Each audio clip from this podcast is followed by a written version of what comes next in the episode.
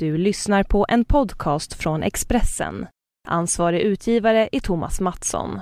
Fler poddar hittar du på expressen.se podcast och på iTunes. Helvetesfärden för de 129 ombord började när flygmotorerna havererade på 1000 meters höjd. Men mot alla odds överlevde alla. Flygplanshaveriet i Gottröra den 27 december 1991 har beskrivits som ett julmirakel.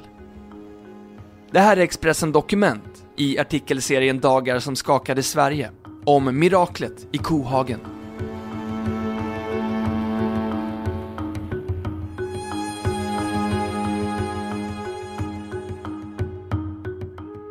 Det var någon enstaka plusgrad tidigt den decembermorgonen. En rätt eländig morgon som växlade mellan regn och snö. Flygplanet, en nio månader gammal SAS-registrerad McDonnell Douglas DC-981, som brukar kallas vid sin tilläggsbeteckning MD-81, hade landat från Zürich vid tio-tiden på kvällen före. Under den flygningen har ytterluftstemperaturen varit mellan minus 53 och minus 62 grader. Fortfarande finns det kvar ungefär 2550 kilo nedkylt bränsle i vardera vinges tank. På morgonen klockan 08.30 ska planet lyfta igen. Först till Köpenhamn, sen vidare till Warszawa. Till dess står planet och väntar på plats 2 vid utrikesterminalen på Arlanda. SK 751, Dana Viking. Innan dagen är slut kommer hela Sverige ha hört talas om just den flighten. Flygteknikern som inspekterar planet under natten måste ta bort en massa snöslask för att kunna inspektera landningsställen. Klockan är då runt två på morgonen. Innan han avslutar inspektionen konstaterar han att det har bildats is på vingens ovansida. Av någon anledning saknas dock rutin för att meddela detta vidare. Utskrifterna från bandinspelningen i cockpit börjar drygt fem timmar senare. Styrman är Ulf Sedemark, 34 år. Sin flygutbildning har han fått inom svenska flygvapnet, men sedan fyra år är han anställd inom SAS. Det här är hans första pass efter julhelgen. Till vänster om honom sitter befälhavaren Stefan Rasmussen, 44. Han lämnade danska flygvapnet och blev SAS-pilot redan 1979. Nu ska han göra sin sista flygning. Klockan är 08.22. I planet finns 123 passagerare plus de sex i besättningen. De närmaste minuterna följer den gängse genomgången av rutinerna vid en nödsituation. En röst som vill förmedla bilden av den välorganiserade, planerade utrymningen. På det inplastade bladet med bilder i stolsfickan finns mer information om en eventuell nödsituation skulle uppstå. December 1991 är minst sagt en händelserik månad. Julen 1991 blir en i flera avseenden märkvärdig tid då det som ingen trodde kunde hända, mot alla odds, faktiskt inträffar. Klockan är 08.35. Styrman Sedermark och kapten Rasmussen sitter och väntar. De har redan passerat utsatt avgångstid. Mekanikern där ute klättrar upp på en stege, stöder sitt ena knä mot vänster vinges framkant, nära flygplanskroppen och känner efter med handen. Han, liksom kapten Rasmussen, har redan sett att det bildats rimrost under flygplanets nedkylda vingar. Småpratet mellan de båda väntande piloterna fastnar på bandinspelningen i cockpit, som allt annat. Ulf Sedemark berättar att han tog bilvägen förbi Gottröra tidigare på morgonen och han säger att det nog var tur att han gav sig av mot flygplatsen tidigare än vanligt. Han skulle fixa med några flygbiljetter. Förutsättningarna för att det ska bildas klaris på vingarnas ovansida är i det närmaste optimala. Vingtankarna är fyllda med kraftigt nedkylt bränsle. Det är runt 0 grader. Luftfuktigheten är hög och det regnar. Med klaris på flygvingarna finns risk att den lossnar när flygplanet lättar och vingarna sviktar. Motorerna har stora luftintag och is kan orsaka skador. Flygplanstypen har drabbats av sådana incidenter tidigare. Men när mekanikern känner med handen på ovansidan av vingen finns bara en massa slask. Någon is känner han inte, så han antar att det är likadant längre bak på vingen, där han inte når. Het 85-gradig vätska som ska få bort isen sprutas över vingarna. Två gånger för att vara på den säkra sidan. Klockan är 08.42 när mekanikern meddelar att avisningen är klar. Det var mycket is och snö, men nu är det fint. Det är perfekt nu, säger mekanikern. Fem minuter senare, exakt 08.47.07, vrålar motorerna ut med full kraft för att lyfta mot Köpenhamn. Flygplanets bägge jetmotorer sitter på bakre delen av flygplanskroppen. De ska normalt klara mindre, mjuka föremål i luften, som is och fåglar. Haverikommissionens tekniska utredning visade dock att fläktblad skadats i motorerna. Sådana skador kan leda till aerodynamiska störningar, som att kompressorn inte längre förmår att komprimera den luft som flödar in i motorn till trycket i motorns brännkammare. Då riskerar luftströmmen att vända och med våldsam kraft skjutas framåt istället. Av passagerare kan sådana motorpumpningar upplevas som en kraftig inbromsning. Motorpumpningar innebär en mycket stor påfrestning för en jetmotor och i allra värsta fall ett haveri. Problemet brukar kunna hejdas genom att piloten minskar effekten på motorn. På denna MD-81 finns dock en funktion, ATR, Automatic Thrust Restoration, som om en motor inte fungerar automatiskt kompenserar genom att öka gaspådraget i den andra motorn. Denna funktion känner inte SAS-piloterna till och det är något som kommer ha stor betydelse för de fyra minuter som nu följer. Direkt efter att flygplanet lättat hör flygkapten Stefan Rasmussen ett onormalt ljud som man inte kan identifiera. På ljudinspelningen låter detta som ett svagt brummande. Ett mullrande ljud tilltar. Ytterligare 20 sekunder passerar. Det är nu, på 343 meters höjd, som första motorpumpningen sker. Passagerare har beskrivit det som att motorerna plötsligt förvandlas till kanoner. Eldkvastar slår ur motorerna. Alla kastas framåt i sina säten. Hela flygplanet skakar. I cockpit ljuder varningslamporna och så varningen att autopiloten kopplas bort. Den varningen ljuder i bakgrunden under resten av den korta färden. Flygplanet vibrerar så kraftigt att flygkapten Stefan Rasmussen har svårt att läsa av motorinstrumenten. Men så mycket förstår de att problemen gäller högra motorn. De befinner sig nu runt 600 meter upp i luften. Det automatiska gasreglaget, ATR, gör att effekten på motorerna ökar ju mer desto högre planet stiger. Det visas diskret på instrumentpanelen, men ingen av piloterna ser det. Under den första flygminuten sker 16 motorpumpningar i höger motor. Varje gång känns det som att hela planet bromsar in. En minut och fyra sekunder efter starten pumpar också vänster motor för första gången. Det märker inte piloterna. Tio sekunder senare havererar höger motor. Bara några sekunder senare också vänster motor. Vibrationerna och smällarna försvinner och det blir helt tyst. Strax därefter når Dana Viking sin högsta höjd. 1011 meter. Dörren mellan cockpit och kabinen står öppen Stefan Rasmussen vill ha det så. Han tycker att det gör det lättare att kommunicera med kabinpersonalen. Eftersom vibrationerna försvunnit kan styrman Ulf Sedemark nu avläsa varningsindikeringarna från motorinstrumenten. Han ser att utloppstemperaturen har varit över 800 grader. Vänster motor brinner. En grå rök sprider sig i främre delen av planet. Brandsläckningssystemet fungerar. Det är nu, en minut och 49 sekunder efter start, som Sedemark anropar markkontrollen. Två minuter och 19 sekunder senare ska planet haverera. Ställda inför en katastrof reagerar vi människor olika. Inte allra först, för då förnekar vi att något allvarligt håller på att hända. Men sen. De flesta av oss, ungefär 3 av 5, förblir handlingsförlamade.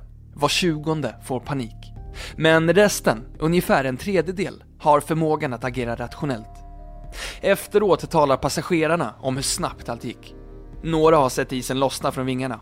Fler talar om smällarna, skakningarna och att det blixtrade och blinkade i kabinen.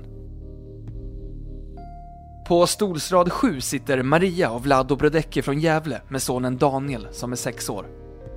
Pojken har fått fönsterplatsen. De ska till Warszawa för att vara med på Marias systers bröllop och fira nyår.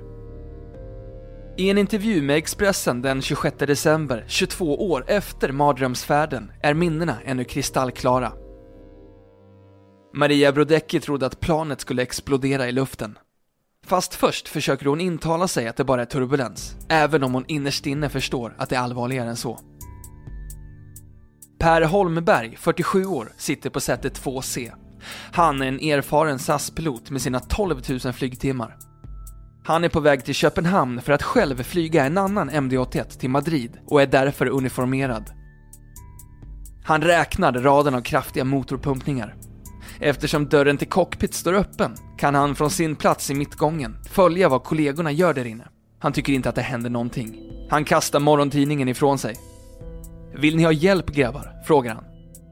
Styrman Ulf Sedemark ger honom checklistan för nödsituationer och kapten Stefan Rasmussen ger honom i uppdrag att starta reservkraftaggregatet. Bildskärmarna som visar flyg och navigationsinstrumentet har slocknat på hans plats och han måste nu flyga med hjälp av reservinstrument. Alltså glidflyga. Sen motorerna stannat är det alldeles tyst. Två minuter har passerat sedan starten. De befinner sig i moln och sjunker. I förarkabinen är det halvdunkelt. Nu hörs Per Holmbergs röst på bandinspelningen. Titta rakt fram. Per Holmberg säger det gång på gång. 20 gånger upprepar han samma sak, att titta rakt fram. Två och en halv minut efter start dalar det 55 ton tunga flygplanet med 6300 kilo bränsle tyst ner mot marken. Nu har de glidflugit i drygt en minut. Allt som varslar om en annalkande katastrof är ett vinande ljud i luftdraget. Flygledaren anropar SK751 och frågar om de kan svänga till höger och ta sig tillbaka till Arlanda. Ulf Sedemark svarar att de försöker starta om motorerna. Tills vidare styr kapten Stefan Rasmussen vidare rakt fram i nordlig flygriktning. Efteråt i en intervju med National Geographic säger Stefan Rasmussen att han inte bara var rädd för att dö, utan att han visste att han skulle dö. De är nu mindre än 500 meter över marken. Höjden när Dana Viking kommer i molnen är 250 till 300 meter och hastigheten runt 250 km i timmen. Den assisterande flygkaptenen Per Holmberg har gradvis fällt ut klaffarna för att bromsa farten. Exakt hur mycket sitter i ryggraden efter alla år som pilot. Det ligger ett stort fält till höger i färdriktningen. De inser att de inte kommer att kunna nå dit. Det är 30 sekunder kvar. Stefan Rasmussen korrigerar kursen 25 grader åt höger, bort från byggnader som ligger i färdriktningen. Det är 14 sekunder kvar till kraschen nu. I kabinen uppmanar pushen Eva Björnemark att de ska böja sig ner och hålla om sina knän. Det är 6 sekunder kvar när styrman Ulf Sedemark anropar Arlanda. Hans röst är märkligt lugn när han säger att de havererar i marken. Sju sekunder senare på bandinspelningen hörs träden som bryts mot flygplanskroppen. Ungefär som en stäv bryter vass. Eller som tändstickor som bryts. Det minskar farten. Sen markkontakt. Exakt 3,4 sekunder av kraschen hörs på bandinspelningen. Enligt färdregistratorerna är landningsställen utfällda och låsta ungefär samtidigt som flygplanet träffar de första träden. Tallarna, som är mellan 14 och 16 meter höga, bryts av som tändstickor. Farten har nu minskat till 121 knop, ungefär 224 km i timmen. Större delen av högra vingen slits av. Flygplanet börjar luta 40 grader åt höger och riskerar att välta. När höger motor slår i marken hejdas rörelsen och flygplanskroppen rättas upp. En sekund före nedslaget mot marken är farten 107 knop. 198 km i timmen. Skärten slår i först. Ett öronbedövande brak av ljudet av metall som bryts sönder, vrids och knycklas ihop. Passagerarna kastas fram och tillbaka. Bagagehyllorna i främre delen av planet faller ner. Marken där flygplanet träffar sluttar utför. Den är kärlfrusen och där ligger några centimeter snö. I ytterligare 110 meter hasar flygplanet över marken, ända fram på en kohage. Sen en våg av splitter, jord och snö och fotogen som kastas över ryggarna på passagerarna som försöker sitta framåtböjda. Och sen blir allt tyst. Klockan är 08.51. Vinterluft strömmar in mot passagerarna på flight SK751. Efter fyra minuter och nio sekunders skräckfärd. Flygplanskroppen har brutits av på två ställen, bakom stolsrad 7 och bakom stolsrad 21. Stolsraderna 22 och 23 har hamnat utanför planet. De tre flygplansdelarna blir liggande i en S-form i kohagen, likt ett rör som knäckts och blivit bortkastat på marken. Maria Brodecki är först helt övertygad om att hon faktiskt är död. Hon känner vinden i ansiktet. Egentligen är hon inte religiös. Ändå tänker hon, är det alltså så här det är? Att man tar sin kropp med sig? Alla passagerare utom fyra kan lämna vraket själva. Många tar som familjen Brodecki vägen rakt ut genom dörröppningarna i den sönderbrutna flygplanskroppen. Flygfotogen finns överallt. Ungefär 3600 liter från höger vingtank sprids ut bakom planet och nästan lika mycket töms i vänster vingtank. Men julmiraklet lever. Det börjar inte brinna. Per Holmberg hör till de som måste bäras ut. Han hinner aldrig tillbaka för att sätta sig. Axeln skadas och han blir medvetslös i 40 minuter. Stefan Rasmussen drar ut honom. Ute på fältet går många omkring utan skor och ytterkläder. Glädjescener. Frusna överlevande från en katastrof som gråter och skrattar tillsammans. Och som kramas utan att egentligen känna varandra. Den exakta haveriplatsen blir känd 09.05 genom att denna passagerarna ringer nödnumret 90 000 från ett närbeläget torp. Den första helikoptern anländer 30 minuter efter haveriet. Sen kommer ambulanserna, räddningstjänsten, polisbilarna och journalisterna. Alla överlever, men alla är inte oskadda. 11 personer förs till sjukhus, men fyra av dem kan skrivas ut inom ett dygn. Nio har drabbats av ryggskador och sju av axel och armskador. Den kvinna i 30-årsåldern som blir svårast skadad blir invalidiserad för livet, förlamad från midjan och neråt. Men 102 av de 129 ombord kommer undan med skärsår och andra småskador. Eller är helt oskadda fysiskt. Efter den identifieringsprocess som drar ut på tiden på grund av ofullständiga passagerarlistor kan de sätta sig på bussar som kallats in från Stockholms lokaltrafik och lämna haveriplatsen. Det är inte bara Dana Viking som lämnar Arlanda med klaris på vingarna den morgonen. Bara 18 minuter senare lyfter en annan SAS-trafikerad MD-81 till Oslo. Också detta flygplan har stått parkerat utomhus under natten och aviserats av samma personal. Efter landning i Oslo informerar en passagerare kaptenen att han hört onormala ljud från motorerna och observerat klaris på vingarna. När flygvingarna inspekteras finns klaris på ungefär en femtedel av vänstra vingen och på en knapp tredjedel av höger vinge. I motorerna är fem fläktblad skadade och måste bytas.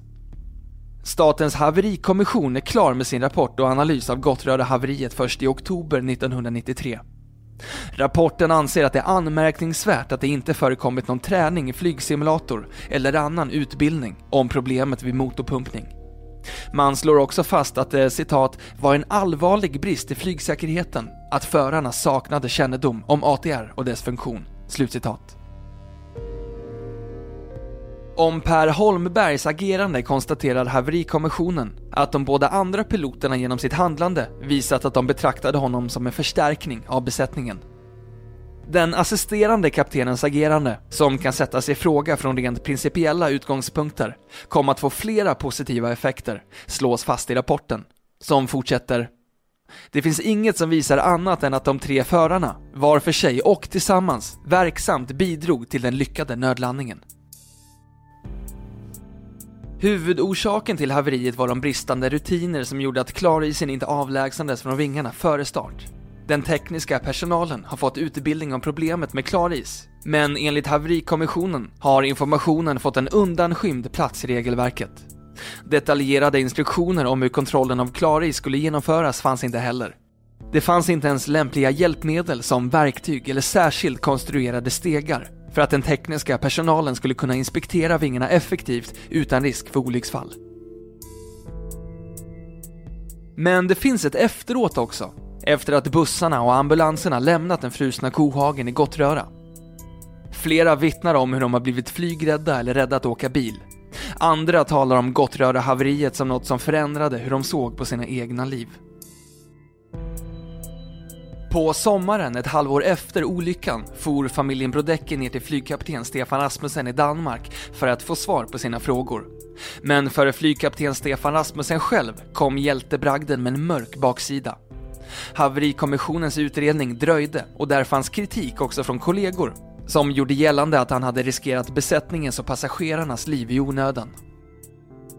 Beskyllningarna gjorde honom rädd. Ett år efteråt fanns tankar hos honom att ta sitt liv, har han berättat. Under utredningen fick han inte flyga mer. Han sa upp sig från SAS. Den danska luftfartsmyndigheten drog in Stefan Rasmussens flygcertifikat eftersom han hade sagt att han citat var rädd för att bli rädd, slutcitat, den dagen han skulle flyga igen. Så han miste sitt yrke.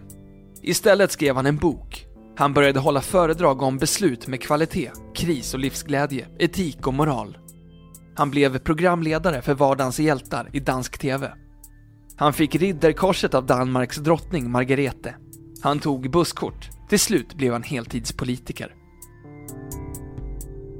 Men medan Stefan Rasmussens liv förändrades i grunden tyckte inte styrman Ulf Sedemark att Gottröra-olyckan hade präglat honom särskilt mycket.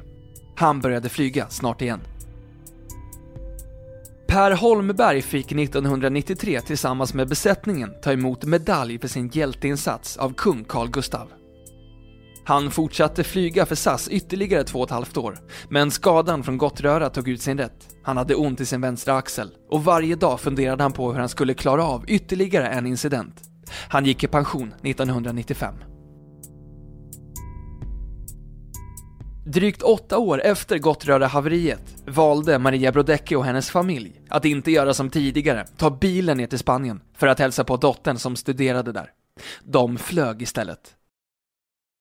Jag skulle aldrig någonsin vilja vara med om den flygfärden igen, säger Maria Brodecki sommaren 2014 om skräckfärden 22 år tidigare. Och jag skulle verkligen inte önska någon annan den upplevelsen. Men om man nu har varit med om den, då gäller det att ta beslut så att en sån erfarenhet inte begränsar ens liv, säger hon.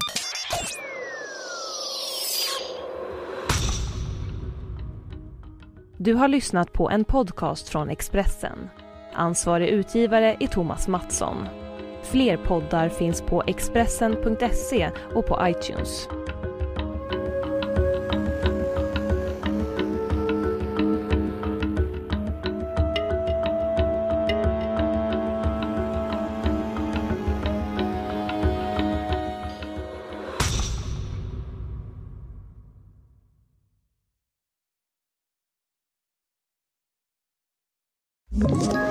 Ett poddtips från Podplay. I fallen jag aldrig glömmer djupdyker Hasse Aro i arbetet bakom några av Sveriges mest uppseendeväckande brottsutredningar. Går vi in med hemlig telefonavlyssning och, och då upplever vi att vi får en total förändring av hans beteende. Vad är det som händer nu? Vem är det som läcker? Och så säger han att jag är kriminell, jag har varit kriminell i hela mitt liv men att mörda ett barn, där går min gräns. Nya säsongen av Fallen jag aldrig glömmer på Podplay.